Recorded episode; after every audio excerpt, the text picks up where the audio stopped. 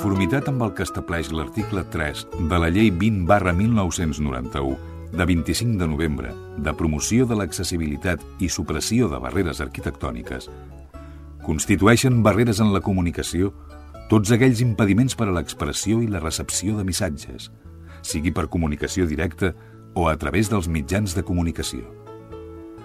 És per això que, emparant-nos en aquesta llei, volem que cada ciutadà gaudeixi del seu propi espai per moure's.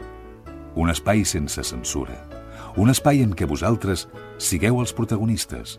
En definitiva, un espai per tothom. Benvinguts a Espai Vital.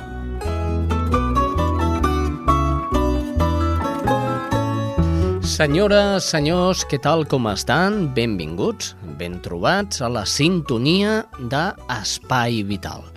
Com sempre, comencem el programa per deferència saludant a la nostra cuinera adaptada, la Teresa Diviu. Bon dia. Bon dia a tothom. Què ens portaràs avui, Teresa? Mira, com que encara venen festes de Sant Jordi i, i que venen celebracions, us donaré un fricandó. Ah, i aquest fricandó... Hi ha que... de vedella, d'allò, hi ha un tallet que se'n diu el peix, que, mm -hmm. és, Mhm. que és més tendre. Però bueno, eh, però estem parlant de peix o de carn? No, és carn, però és un tall que se'n diu el peixet, El peixet. que és el més tendre, Deu ser el més bo, clar. clar. Sí. I, I, i el... mira, i en cas que no en trobéssiu i la butxaca no hi arribés perquè això és car, jo ho feia a vegades en llumillo de porc. Domillo de porc. Llumillo, sí. Molt bé, doncs, eh, la recepta de la Teresa Diviu, que l'escoltarem cap al final del programa, al igual que la de l'Alfredo Ángel Cano Toledo, que és el cercador, amb ells tres, amb la sintonia i amb el nostre tècnic, Jordi Puy, comencem el programa d'avui. Estàs escoltant Espai Vital.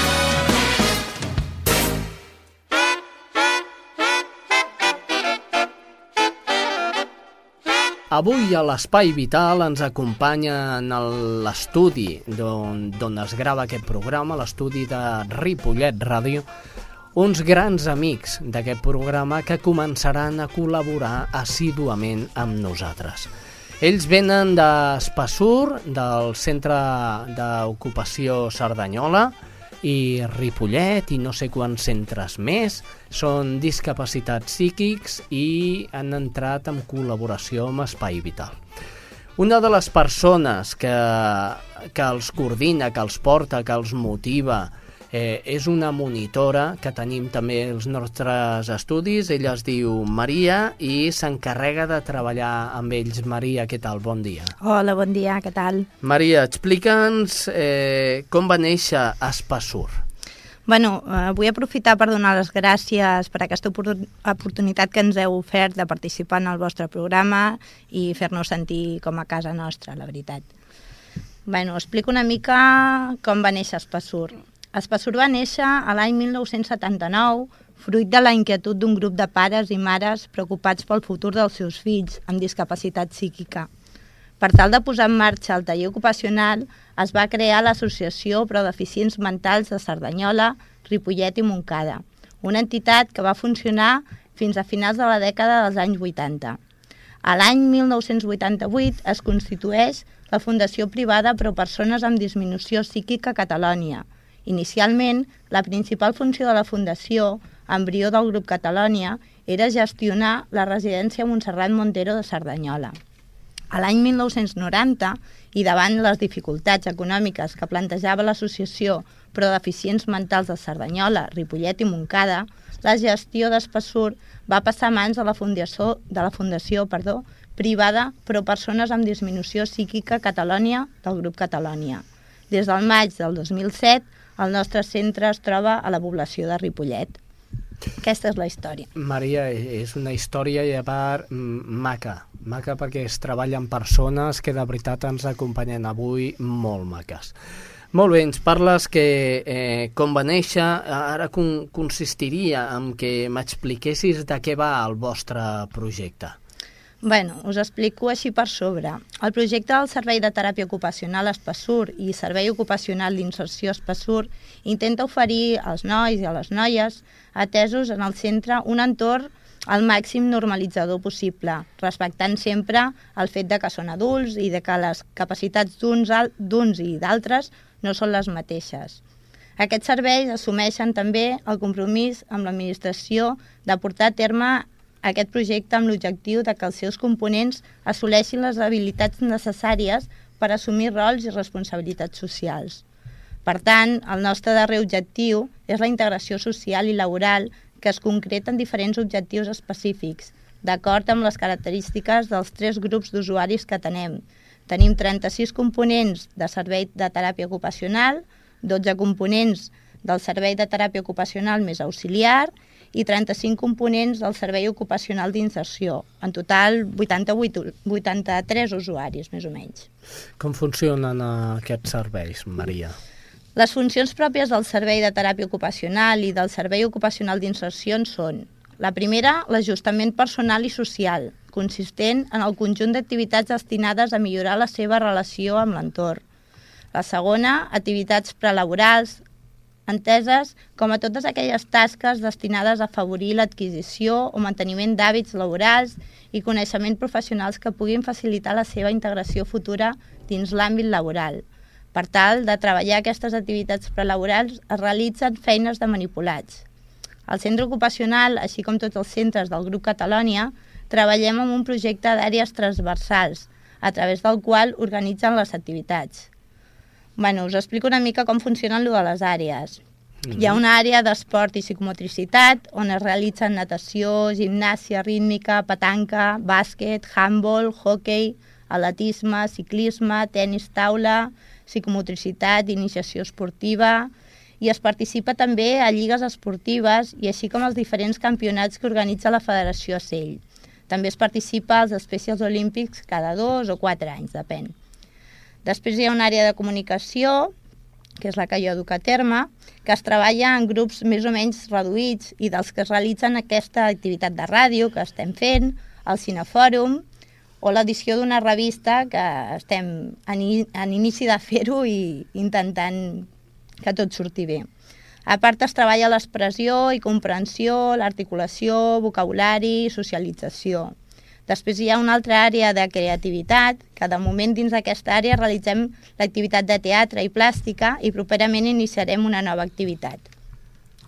Després hi ha una altra de teràpia ocupacional, és l'àrea que inclou les activitats prelaborals i on es treballen habilitats manipulatives, encartar revistes, embossar, els tornillos, els hàbits laborals.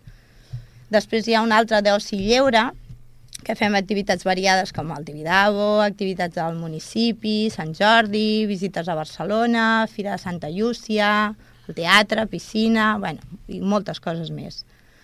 Després hi ha una altra d'estimulació multisensorial, que és una àrea nova que crearem per a aquelles persones que tenen més dificultats i més limitacions. I després, a última, hi ha una d'habilitats socials, que és àrea d'higiene, menjador, hàbits de comportament, i tot això. Bé, perfecte. Veig que, que feu una tasca molt completa. Sí, la veritat eh, és que sí. Nanos. Molt bé, m'agradaria parlar ja, entrar amb els nanos, que jo sé que s'han preparat el programa d'avui, perquè venien a Espai Vital i perquè Espai Vital vol parlar amb ells. I començaríem amb el Pedro, si no m'equivoco malament. Hola, Pedro. Hola, ¿qué tal? ¿Cómo estás? Muy bien. Muy bien. Eh, Pedro, explícame cuánto tiempo llevas aquí. 16 años. ¿Cómo? 16 años. Eh, no mucho, ¿no? No. No mucho. ¿Tú eh, quiere, te gustaría muchos más? Si se puede.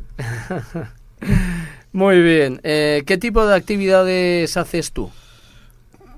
Pues laboralmente hacemos manipulados. Uh muy bien. ¿En qué consisten los manipulados? Pues hacemos grifos, embolsamos y pesamos algodón, hacemos cinturones, etiquetamos y ponemos colgadores. Mm, ¿Y alguna actividad lúdica? Sí, los viernes natación, los martes psicomotricidad y los jueves comunicación con María. Muy bien, pues gracias, Pedro, por tu colaboración. Un placer haber venido. Muy bien, seguimos adelante. És moment de parlar amb un altre dels components dels personatges que em visiten avui d'Espassur. Si no m'equivoco mm, malament, no, no poso el nom malament, es diu Francisco Castro. Buenos días. Buenos días. Hola Francisco, Eh, eh, de las actividades que haces, ¿cuál es la que más te gusta? El hockey. El hockey. Ay, pues muy bien, Francisco. Muchas gracias. A ver De si nada. A ver si ganas eh, muchas medallas, ¿eh? Vinga. Seguim endavant. Deixem el Francisco Castro i anem ràpidament a parlar amb Antonio Fernández Úbeda, que es troba ja als nostres estudis. Antonio, hola. Hola. Hola, hola, ¿cómo suenas? Antonio, eh, ¿cómo estás? Bien. ¿Tú también estás en la misma sección que Pedro? Sí. ¿Mm? Eh, est- estás en el SOI, ¿no? Sí. ¿Y qué es el SOI? Servicio Ocu- Ocupacional de Integración. Muy bien, supongo que laboralmente haces lo mismo que tu compañero, ¿no? Sí. ¿Y en qué participas del otro tipo de actividades? Los miércoles, fútbol, fútbol sala y básquet. Y lo, y los viernes natación y comunicación con María. Ah, está muy bien. Pues la verdad es que os pegáis un curro de cuidado, ¿eh? pegáis un trabajo... Muy bien, Pa- pues... para eso nos esforzamos. Pues di que sí.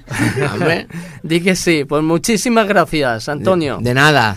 Hola, buenas tardes. ¿Y esta chica cómo se llama? Esta chica Rocío creo que se llama. Rocío, a mí me han chivado que es Rocío Romero Día. Díaz. ¿Ves cómo te llamas Díaz? Tú decías que no, yo no me llamo Díaz. Muy bien, aparte de las actividades que han comentado tus compañeros, ¿tú participas en alguna actividad distinta, diferente? Rocío, se te ha comido la lengua al gato. ¿Mm? Venga, para un día, para un día que vienes y no me comentan nada. Los, mat los martes y los jueves, el de Pontible el Ripollet. Ah, molt bé. Que haces gimnasia, ¿no, Rocío? Gimnasia. Muy bien. Ah, De a las 6 6 y 7. de seis a 7 de la tarde. Sí. Eh, pero yo, a mí me chiva mucho, María, por otra libreta Un poco chivata la María. Un, un poquito chivata, pero, pero bueno, lo hace con todo el cariño, hombre. Rocío, muchas gracias. De nada, hasta pronto. Y este chico, ¿tu nombre? ¿Cómo te llamas? Ah, posa't, posa't. Ara. Com et dius? Alfonso Blasco. Hola, que fort sones. Hola, Alfonso, com estàs?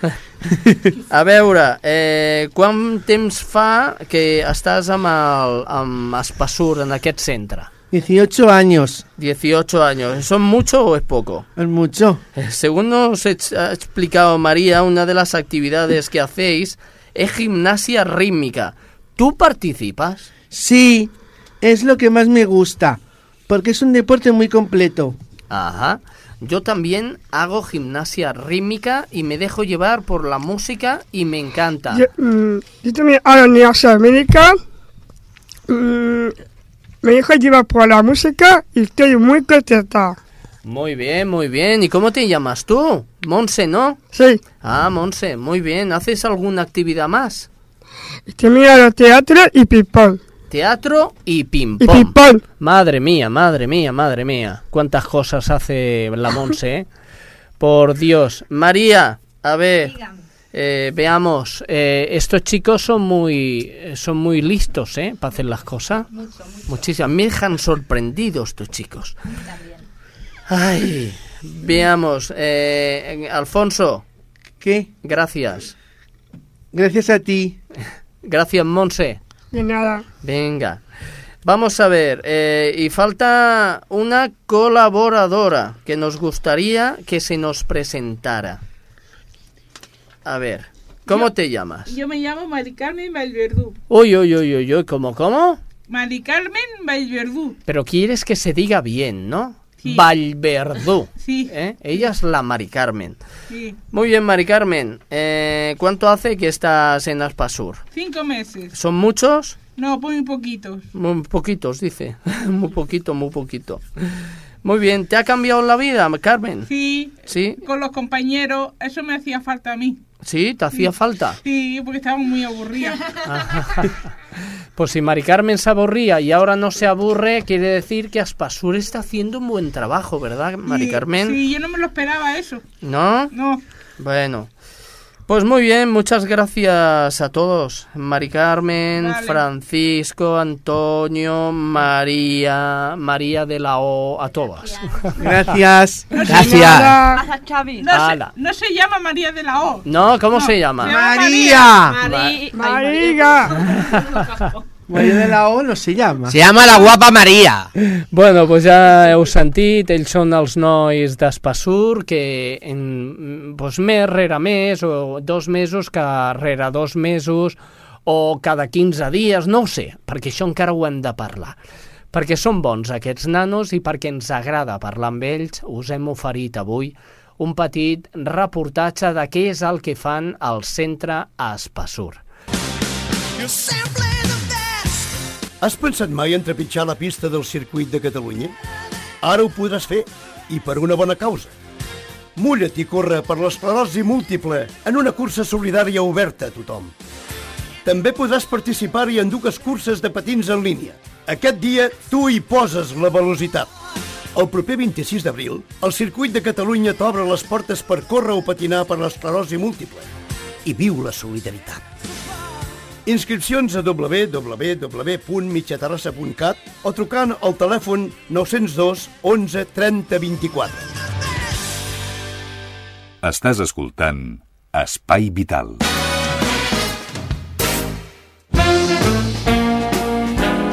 I bé, com ja heu sentit, jo estaré al circuit de Catalunya. La Teresa no ho sé. No, jo no. No podràs?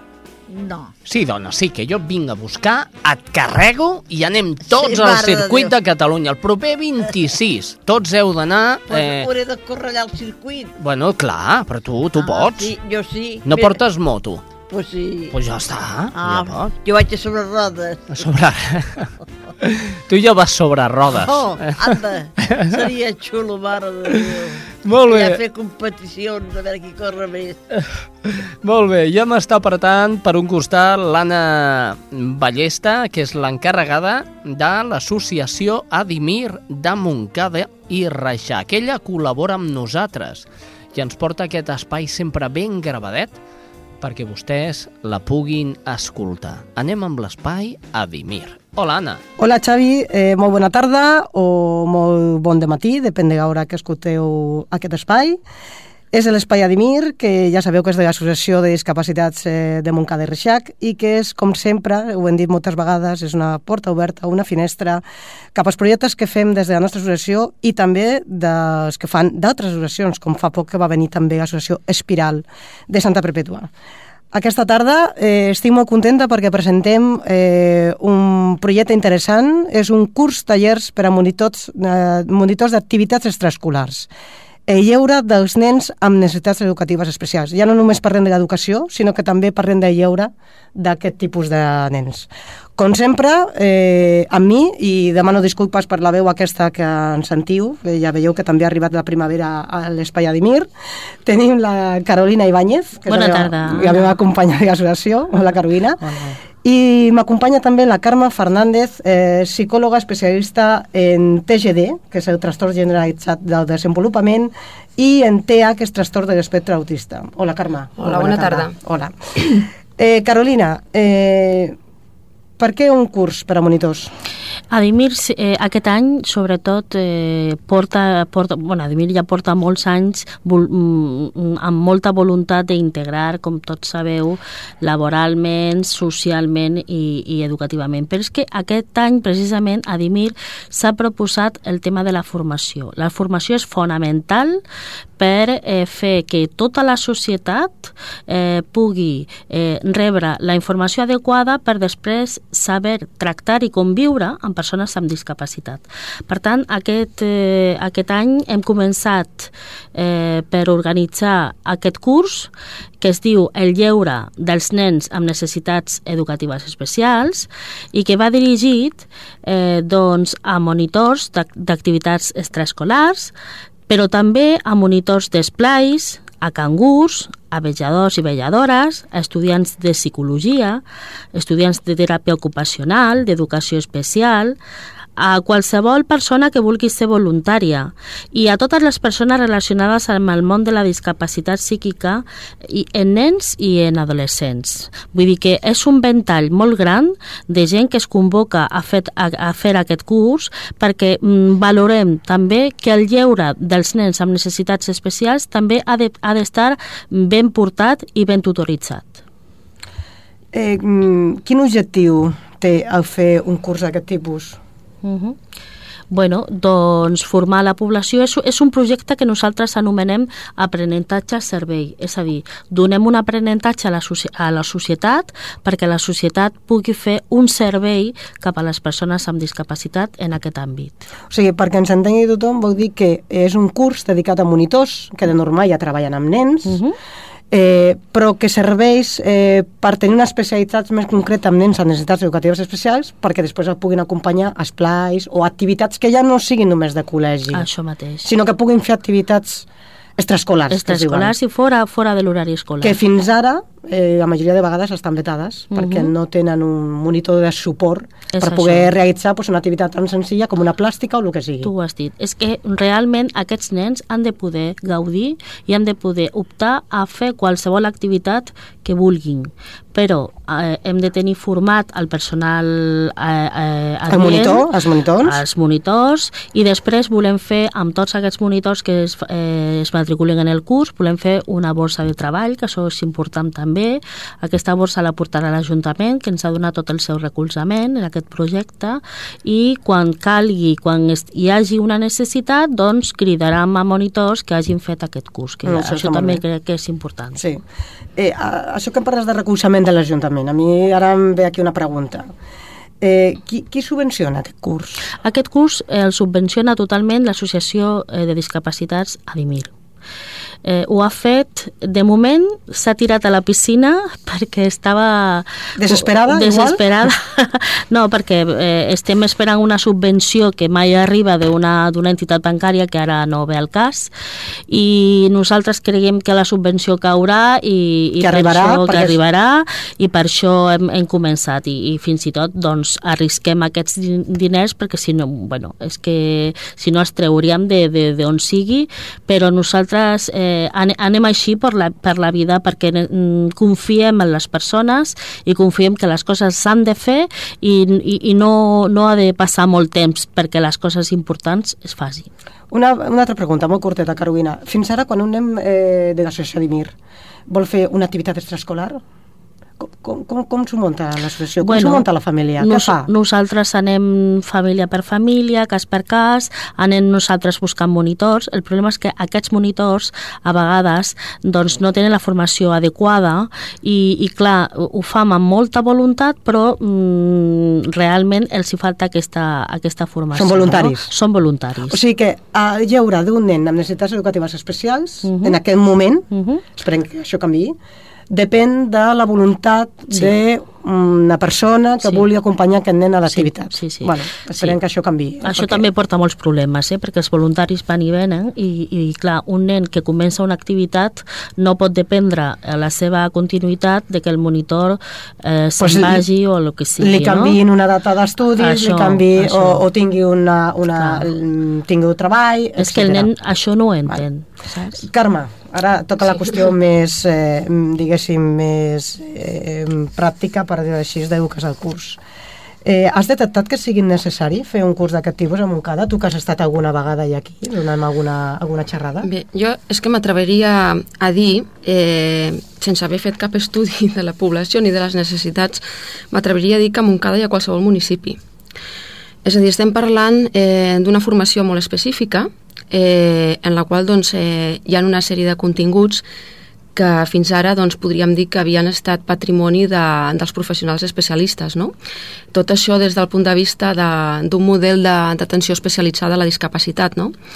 Però clar, des del paradigma al qual tendeix la societat avui dia, que és el paradigma de l'accessibilitat, la, no surt la paraula, o l'eliminació de barreres, doncs des d'aquest paradigma doncs tot això és molt diferent, no? El que interessa és que totes les persones que estan eh, d'alguna forma implicades eh, amb la discapacitat, ja sigui amb el lleure, ja sigui en l'educació, fins i tot les pròpies famílies, la societat en general, és a dir, doncs és necessari que aquestes persones doncs, tinguin accés a aquests continguts específics, a aquests mínims que necessiten doncs, per eh, saber relacionar-se amb, aquests, amb aquests nens eh, o adolescents, per saber afrontar determinades conductes, etc. No? Penso que és important. Eh, jo se m'ha oblidat comentar, perquè tinc aquí la meva xuleta, de que treballes des de fa 8 anys a l'àmbit privat com a col·laboradora de diverses entitats i associacions, sí.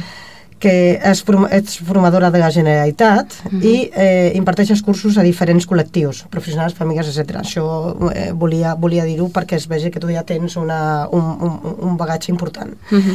Eh, també sé que tens una experiència prèvia d'aquest tipus de cursos en altres municipis. A mi m'agradaria que, que, que ens expliquis eh, com han funcionat, en quins municipis ho has fet, si estàs content amb els resultats, si has vist que això és necessari, que, que s'ha inscrit molta gent... Aviam, la resposta ha estat molt positiva eh, a tots els municipis que, bueno, en els quals s'ha realitzat aqu aquest tipus de curs. Eh, tant eh, en quantitat de gent com si parlem eh, en motivació. Eh, la gent que ha vingut als cursos és gent que, que ha vingut perquè, perquè estava motivada, perquè tenia ganes d'aprendre. No són cursos en els quals doncs, una persona doncs, hi vagi perquè doncs, estigui obligada a fer-ho, que també n'hi ha de cursos d'aquests, però són persones que lliurement doncs, eh, han triat eh, venir a aquest curs, eh, perdre dies eh, o caps de setmana, perquè es fem en caps de setmana normalment, de la seva vida privada doncs, per, per poder fer aquest curs. No? La resposta ja dic ha estat molt positiva i tenint en compte que la major part de, de les persones que han vingut a aquests cursos eh, són persones que la majoria no tenen una titulació superior, són persones doncs, que són eh, monitores de, de lleure, eh, monitors que fan extraescolars, eh, monitors de menjador, monitors que acompanyen a nens amb discapacitat doncs, als autocars, eh, vetlladores i, i també pues, a, a, algun mestre o algun psicòleg, no? Però la major part d'ells no tenen una titulació superior. I això li dona molt més valor al curs, perquè estan demostrant en aquestes persones que, mm, tot i no tenir aquesta titulació, doncs necessiten aquests coneixements, no? Volen aprendre, i això és important, i això ho han mostrat, no? Eh, de moment, doncs, eh, aquests cursos s'han impartit en diversos municipis, del, del Vallès Occidental, concretament, a Sabadell i a Granollers, i, i bé, ara es farà aquest de Montcada uh -huh. i, bueno, i n'hi han dependents per fer després també a Castellà del Vallès eh, a Blanes, és a dir, la demanda eh, està sent doncs, molt gran eh, eh, en la mesura en què la gent es va assabentant doncs, que hi ha aquests cursos, doncs que cada vegada hi ha més demanda. No? Bueno, és com sempre, no? Comences a tirar el fil Exacte. i resulta que la necessitat, Exacte. i la necessitat al final veus que és real, vull dir que es necessita. Exacte, sí, sí. Eh, igual també a millor que aquestes persones que dius tu que és un exemple a, a seguir, no? Perquè són persones que dius que no tenen una titulació superior, però sí que millor estan contactes amb nens amb necessitats educatives especials. Sí. A millor s'està eh, s'està començant a prendre consciència de que els nens eh, amb discapacitat també tenen drets Mhm. eh, i un dels drets que tenen és el de participar en activitats lúdiques, perquè sempre parlem de l'educació que estiguin recolzats i tal, però clar, després tenim les activitats de lleure, sí. que el que no poden ser és que aquests nens després del col·le millor es quedin a casa perquè no Mhm. poden fer absolutament res. Dir, millor s'està prenent consciència de que això també ha de canviar. Sí, mica en mica s'està prenent més consciència a nivell general, eh? Eh, però encara, jo diria que encara hi ha molta gent doncs, que li costa imaginar-se doncs, que un nen amb discapacitat doncs, comparteixi, i sobretot quan parlem de discapacitats psíquiques greus, doncs que aquest nen comparteixi doncs, eh, amb el seu fill doncs, eh, un esplai o una activitat extraescolar. Hi ha gent que encara li costa d'imaginar-s'ho això, no? Però bé, eh, aquests cursos eh, no tenen sentit si no s'emmarquen eh, a dins de, del paradigma de la inclusió, no? No, no tindrien sentit. Eh, la inclusió, eh, tots sabem que és aquell dret fonamental no? de les persones a, a poder doncs, eh, disfrutar de, de tots els serveis i activitats que la comunitat o la societat ofereix a les persones. I aquest dret, doncs, mica en mica, doncs, eh, hem d'intentar doncs, que es faci realitat, no? Mhm. Perquè ja dic que sí que és cert que la, la consciència de la gent doncs, està canviant, molt a poc a poc, però per això estem doncs, les associacions i professionals que, que anem empenyent. Eh? Nosaltres continuarem, amb- continuarem aquí sempre amb aquesta finestra, sempre que es deixi el Xavi. Xavi, gràcies, ja saps que sempre t'ho dic. Eh, pues, bueno, eh, donant a conèixer les necessitats d'aquests nens, i no només les nece- necessitats, no? sinó que també són membres de la societat i tenen dret a compartir Sí. també moltes coses no? amb, Mhm. amb altres nens, en aquest Mhm. cas. A mi m'agradaria també, eh, per ha alguna persona que a millor li interessa fer aquest curs, que diu, ah, doncs no sé jo si a mi m'agradaria que jo eh, acompanyo, o sigui, animo a la gent a que, a que ho faci, almenys qualsevol persona que tingui una relació amb alguna persona amb necessitat educativa especial, amb algun nen, quins són els continguts del curs? Mira, jo els continguts els englobaria en dos grups importants. Eh, eh, en primer lloc parlarem molt d'inclusió, d'inclusió i de discapacitat, eh, perquè és important que la gent entengui què és la inclusió i entengui que, que bé, que tots els coneixements que puguin adquirir eh, a nivell més, més professional o més, més tècnic doncs eh, tenen sentit eh, en aquest marc de la inclusió. Uh -huh. Aleshores, eh, parlarem d'inclusió, parlarem també doncs, de, de diferents trastorns, eh, de trastorns que tenen importants barreres per l'aprenentatge, i aquí doncs, englobem molts tipus de trastorn, com poden ser, per exemple, els TGD o els trastorns de l'espectre autista. Uh Mhm. -huh. També doncs, podem parlar de retard mental, parlarem de, de paràlisi cerebral doncs, amb, amb dèficits cognitius associats, eh, parlem de trastorns de comunicació greus, és a dir, qualsevol trastorn que impliqui una barrera important per l'aprenentatge. Eh, parlarem doncs, de quines habilitats són les habilitats bàsiques o els mínims que, que ha de tenir una persona que treballi en l'àmbit de la discapacitat. Eh? En aquest cas parlem del lleure, però és que aquests continguts eh, també serveixen per qualsevol persona que estigui treballant eh, doncs, eh, en una escola, doncs, eh, ja sigui a nivell de, de vetjador o fins i tot les mestres. No? fins i tot famílies o, o pares que vulguin doncs, adquirir uns coneixements doncs, per, per, eh, per una miqueta doncs, eh, eh, entendre més el seu fill, doncs, entendre la discapacitat i saber relacionar-se, afrontar determinades conductes. No? Parlarem doncs, de, de com ha de ser aquell primer dia, no? de, el primer dia en el qual doncs, un, un monitor posem un monitor d'un esplai, no? es troba el primer dia amb un nen que no coneix de res, no? eh, com, com ha d'actuar, no? què ha de fer, no? què, és, el- què és el més important aquell primer dia i després com ha de seguir actuant també. Parlarem d'un punt molt important que li interessa a molta gent, que és el, el punt de, de com afrontar doncs, les conductes problema o desafiants. No? Parlarem de conductes problema, doncs, eh, les de baixa intensitat, que anomenem, com poden ser doncs, eh, la típica rebecadura d'un nen, doncs, un nen que doncs, eh, escup o, o que crida o que parla quan no ha de parlar. Però també parlarem de com afrontar conductes eh, desafiants eh, d'alta intensitat. Eh, M'estic referint doncs, a l'autolesió, eh, nanos que s'autolesionen, eh, l'agressivitat o la destrucció de propietat. No? A part d'això, doncs, eh, no ens hem de quedar amb, amb aquesta part eh, negativa, no? de, de, sembla que la discapacitat només siguin pro- conductes problema, i no és així. Eh, la realitat és que les persones amb discapacitat, eh, a banda de ser persones vàlides, són persones valuoses i hem de saber doncs, que valuós significa o implica doncs, que aquest, aquestes persones poden donar, no només rebre. En aquest sentit, doncs, parlarem molt també d'estratègies positives per ensenyar habilitats a aquestes persones, perquè sigui el context eh, el que sigui en el qual aquestes persones estan, ja sigui de lleure o escolar o a, a, al si de la família, doncs és important doncs, que eh, aquestes persones doncs, eh, aprenguin no? en aquest context. En, en el lleure doncs, tindran uns aprenentatges, a l'escola en tindran uns altres i, eh, i amb la família uns altres però les persones que estan amb ells han de tenir aquesta capacitat i aquestes habilitats doncs, per saber en cada moment com ho han de fer, no? perquè el nen tiri endavant.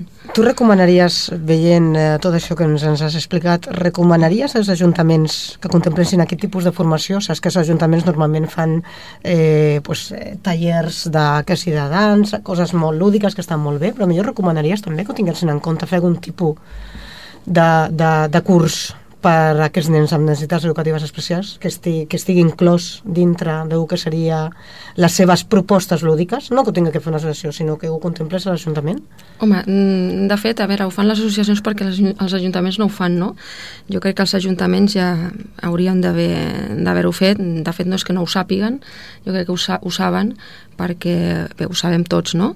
Les necessitats quines són. El que passa que, que bé, el món de la discapacitat, i ho comentàvem abans venint cap a, cap a aquest estudi de, de ràdio, doncs és un, és un món que és dur i el dia a dia de vegades doncs, et menja, no? et van menjant i això dificulta el que puguis doncs, eh, fer més del que moltes vegades voldries.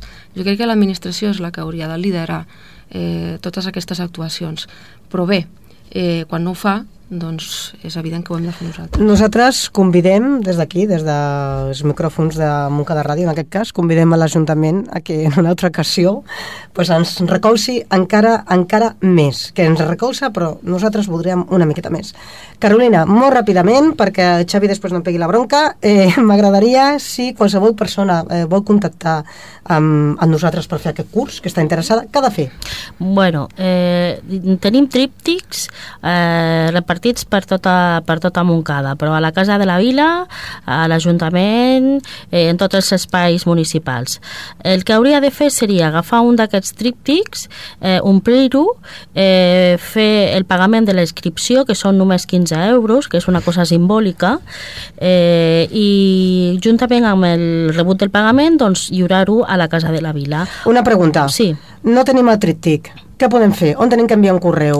Telèfon, ah, correu? Vale, vale, perfecte. Si no tenim el tríptic, doncs podem enviar un correu electrònic a adimir mm, barra baixa arroba hotmail.com o podem trucar al telèfon mòbil eh, 5, 6 55 54 86 55 molt bé. i parlareu directament amb mi i jo ja us adreçaré a, a on calgui. Una última dada, importantíssima també, perquè si no això, si no, no, no acabem de tenir clar el tema. Les dates d'aquest curs. Vale, les dates d'aquest curs són dos cap de, eh, de setmana, 18 i 19 d'abril i 25 i 26 d'abril. I l'horari sempre és de 10 a 14, és a dir, al matí. I són, s'impartiran a la sala institucional de la Casa de la Vila. Molt bé. Eh, també entreguem, s'entrega als participants un certificat d'assistència, oi? Sí, sí. Que sempre pot venir bé, de dir, ha fet un curs, etc. Doncs eh, jo crec que ha quedat molt ben explicat aquest eh, primer curs tallers per a monitors d'activitats extraescolars que fem des de l'associació Adimir.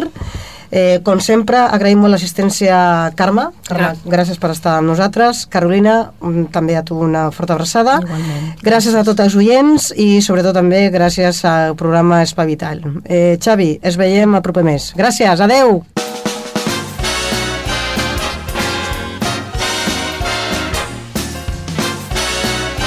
Espai Vital, el primer programa adaptat de les zones.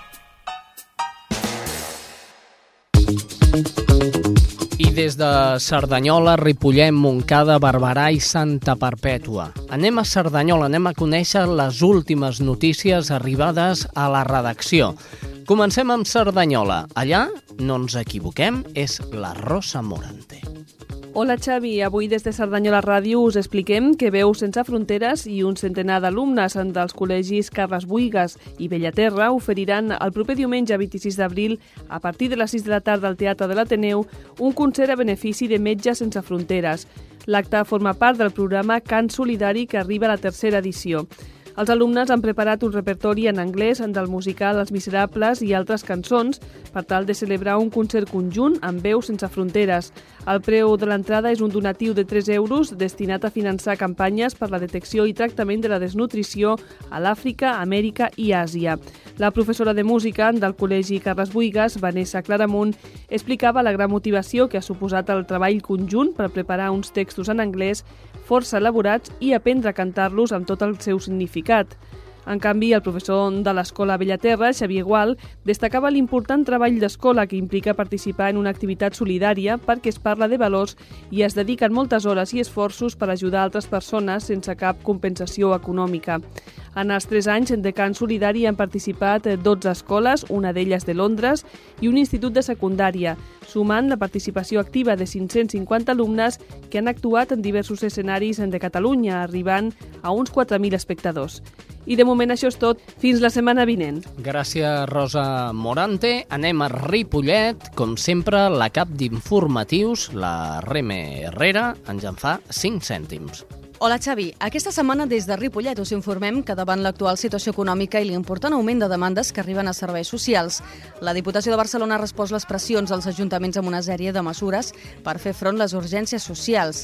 Així, la Diputació ha ofert als serveis socials municipals tres tipus de mesures, entre les que destaca el suport econòmic amb una partida de 60.000 euros, a més d'assessorament jurídic i recursos humans. Pel que fa als ajuts econòmics, aquestes es destinaran a urgències com alimentació, el pagament puntual de serveis o subministraments i l'allotjament si es considera convenient. L'organisme supramunicipal també ha ofert suport jurídic per a la creació d'una oficina on es faciliti assessorament jurídic sobre préstecs, deutes o hipoteques. A més, reforçaran els recursos humans contractant durant sis mesos un nou treballador de l'Ajuntament i oferint assessorament tècnic per a la valoració de les urgències socials. Entre d'altres mesures, la Diputació pagarà el 100% dels arranjaments de les llars de persones grans que viuen soles i on es contracten aturats del sector de la construcció. El Departament de Serveis Socials ha fet una valoració molt positiva d'aquestes ajudes i ha explicat que estan pendents altres aportacions per part de la Generalitat de Catalunya i del Consell Comarcal. I això és tot des de Ripollet aquesta setmana. Bona tarda. Bona tarda, Reme. Anem cap a Barberà, allà es troba la Núria Cabrera. Hola Xavi i hola a tots els oients de l'Espai Vital. Avui des de Barberà del Vallès us expliquem que l'alcaldessa de la nostra ciutat, Ana del Frago, i el president de la Fundació Privada Tutelar Família i Societat de Sabadell i Comarca, Llibert Barcons, han signat un conveni de col·laboració per vetllar per l'assistència, la promoció i la protecció de les persones amb discapacitat psíquica. Amb aquest conveni, que té vigència d'un any, el consistori es compromet a aportar 6.000 euros anuals per sufragar els costos de la difusió d'aquest servei al municipi i també per subvencionar en part la prestació d'aquest servei. A més, difondrà per la ciutat l'assessorament jurídic que presta per tal de que els barbarencs i les barbarenques coneixin l'opció que els dona aquesta entitat. Recordem que la Fundació Privada Tutelar Família i Societat de Sabadell i Comarca és una entitat que treballa per la prevenció de futur de les persones amb discapacitat i sota l'objectiu de la promoció de les assistències i l'abordatge de les possibles situacions en les que puguin trobar elles o les seves famílies. La Fundació també promou estudis i investigacions que puguin sorgir doncs, per millorar la informació i la comprensió del col·lectiu de cara a dur doncs, a terme accions que permetin influir també a la definició de les polítiques socials i econòmiques dels poders públics referents a aquest col·lectiu. Des de Barberà és tot. Gràcies, Núria Cabrera, des de Barberà. Anem cap a Montcada. Sílvia Díaz. Hola, salutacions a l'Espai Vital des de Montcada. La Genaciana, vent de marinada o les vinyes. Un d'aquests tres serà el nom de la futura residència i centre de dia que s'ha de construir a la Rasa, a Marrampinyo. L'Ajuntament obre divendres, 24 d'abril, un procés participatiu perquè la gent triï el nom que més els agradi. Les tres denominacions les ha triat un jurat format per representants de l'Ajuntament i del teixit associatiu i cultural del municipi entre les 22 propostes que van presentar prèviament les entitats. Aquest jurat estava format per regidors, tècnics municipals, persones persones vinculades a la residència i historiadors. La regidora de Salut Pública i Serveis Socials, Mari Carmen González, ha explicat que s'ha volgut comptar amb la ciutadania per donar nom a un equipament que serà fonamental per al municipi. Les votacions es podran fer efectives a través d'internet, entrant a la pàgina web municipal, moncada.cat, o físicament al consistori, a la Casa de la Vila, al Cursal de Can Sant Joan, Moncada Aqua i als centres cívics del municipi, on s'ubicaran unes urnes i hi haurà butlletes de participació. El termini de votació anirà des del 24 d'abril fins al 31 de maig. Les butlletes aniran acompanyades d'una breu explicació sobre aquests noms. Genaciana és una planta herbàcia de propietats tòniques, estomacals i desinfectants. Vent de marinada és el vent que bufa de mar a terra i que suavitza el rigor de l'estiu. Les vinyes s'ha triat perquè els terrenys on es construirà la residència eren una antiga zona agrícola. Doncs bé, aquest és el tema d'avui. Adéu-siau i fins la pròxima. Adéu-siau, Sílvia Díaz, des de Montcada Ràdio. Per últim ja, eh, Santa Perpètua de la Moguda, la responsable és l'Estrella Núñez. Hola Xavi, hola amics i amigues de l'Espai Vital. Des de Santa Perpètua aquesta setmana us expliquem que ja han començat les obres de rehabilitació estructural i d'eliminació de les barreres arquitectòniques de la Granja Sol de Vila. Aquest edifici forma part del Pla de Patrimoni Arquitectònic de Santa Perpètua de Moguda. L'actuació de rehabilitació i supressió de barreres a la Granja Sol de Vila preveu la instal·lació d'un ascensor que comuniqui totes les plantes de l'edifici. També es reforçaran els forjats de les vigues de fusta i d'acer i s'adoptaran mesures per adaptar l'edifici al compliment de la normativa en matèria contra incendis.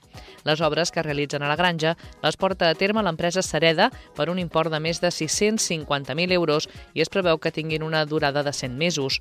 Els treballs pertanyen a un dels 16 projectes que finança el Fons Estatal d'Inversió Local, el FEIL, al nostre municipi.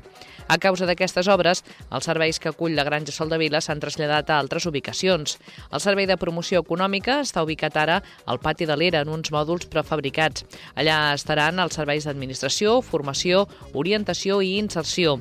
La regidoria de Cultura s'ha traslladat al museu i l'escola d'adultes d'adults s'ha ubicat a l'Institut Estal Ibèrica, mentre que el Servei Local de Català trasllada les seves classes al Centre Cívic de Cantaió, però manté el seu despatx a la Granja Sol de Vila.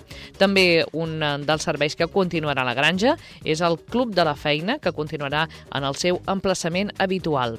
Les obres de rehabilitació i de supressió de barreres arquitectòniques de la Granja Sol de Vila posaran a l'abast de tota la ciutadania un edifici que forma part del patrimoni arquitectònic de Santa Perpètua. És una mostra del modernisme català. Quan sigui accessible, us convidarem a venir a veure la Granja Sol de Vila, que més està al costat de Ràdio Santa Perpètua. Fins aviat, Xavi.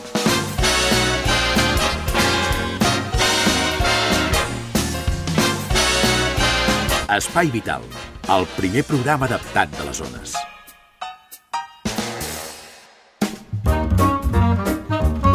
I amb la sintonia, repeteixo, amb la sintonia de la Teresa Diviu, comencem a cuinar. Què I cuinarem avui? Què cuinarem, Teresa? Mira, jo he posat fricandó de vedella. Fricandó, És un tall que se'n diu el peixet, el peixet. que és més tendre. Sí. Si no el trobeu, doncs jo a vegades feia servir hasta llumillo, Mm -hmm. perquè aquest tall us l'ha de tallar la carnissera a tallets, primet. Ah, bé. Però si no d'això, doncs el llumillo també us serveix. Vinga, doncs. pues, si voleu, pues, si talleu el llumillo, pues, compteu dos talls per començar o tres, si tenen molta gana. Bé, fiquem-ne tres per si de cas el Això del mateix. costat en té una mica més. Ah, això mateix. tres talls per cada un. Molt bé. Eh, necessiteu també una ceba, Una ceba, un tomàquet, un tomàquet, un gradall, un gradall, 12 ametlles, 12 avellanes, 3 galetes maries, això per la picada, eh, La que sí, que picada, ja, ja ho sí. sé, ja porto tant temps amb tu. Ah. Sí. farina per enfarinar el tall, Mm -hmm. sal, pebre i l'oli. Molt bé. I una miqueta d'aigua que escalfareu com si fos caldo, si no teniu caldo, Mm. i poseu una miqueta de caldo concentrat. Una pastilla de Una bicrem. pastilleta, sí. Eh, sí. Poseu allò, mig litre o un litre d'aigua escalfar per fer-ho. Molt bé, anem a la preparació, d'aquest Preparació. fricandó. Sí. Doncs pues mira, enfarineu els talls, primer sal i pebre, el tall. Bé, Els passeu per farina, no massa, allò que no quedi massa tapaït. val. I els fregiu. Que no quedin massa cremats, allò que mireu que canvi de color els dos, els dos cantons. Molt bé. Els poseu en una plata, Mm. vull dir, una cassola. També m'he deixat de dir que hi poseu pues, rovellons. Si no voleu posar rovellons, també antes hi posava moixernons que són secs, els poseu en remull. Mm -hmm. I si no llanegues, no? Potser o no? També. Eh que sí? Sí, ah. però no sé si em trobarà nada d'aquest temps. Ah, tot pot ser. Bueno, allò moixernons és, és sec, es posa en remull, Sí. allò mitjoret i en queden tous i queda molt, dona molt bon gust al fricandó.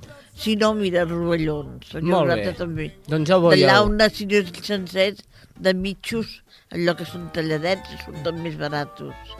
Molt bé, doncs ja tenim eh, la El carn... fregideta. Fregideta. La poseu a la cassola Sí. i aboqueu els rovellons o els moixernons, el que vulgueu. Mm -hmm.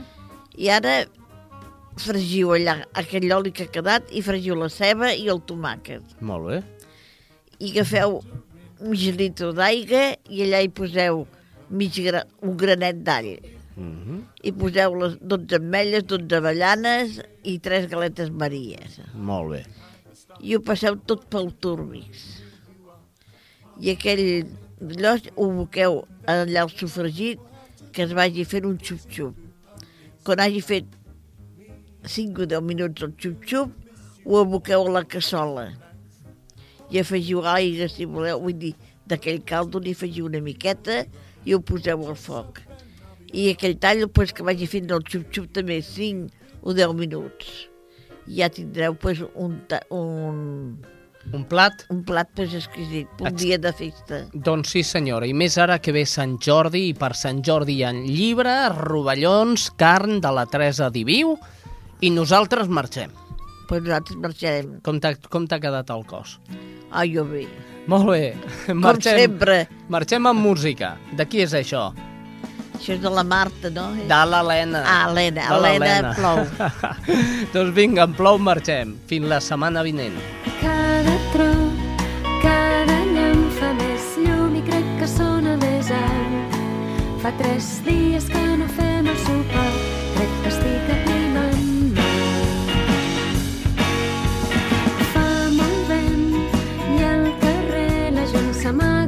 els establiments.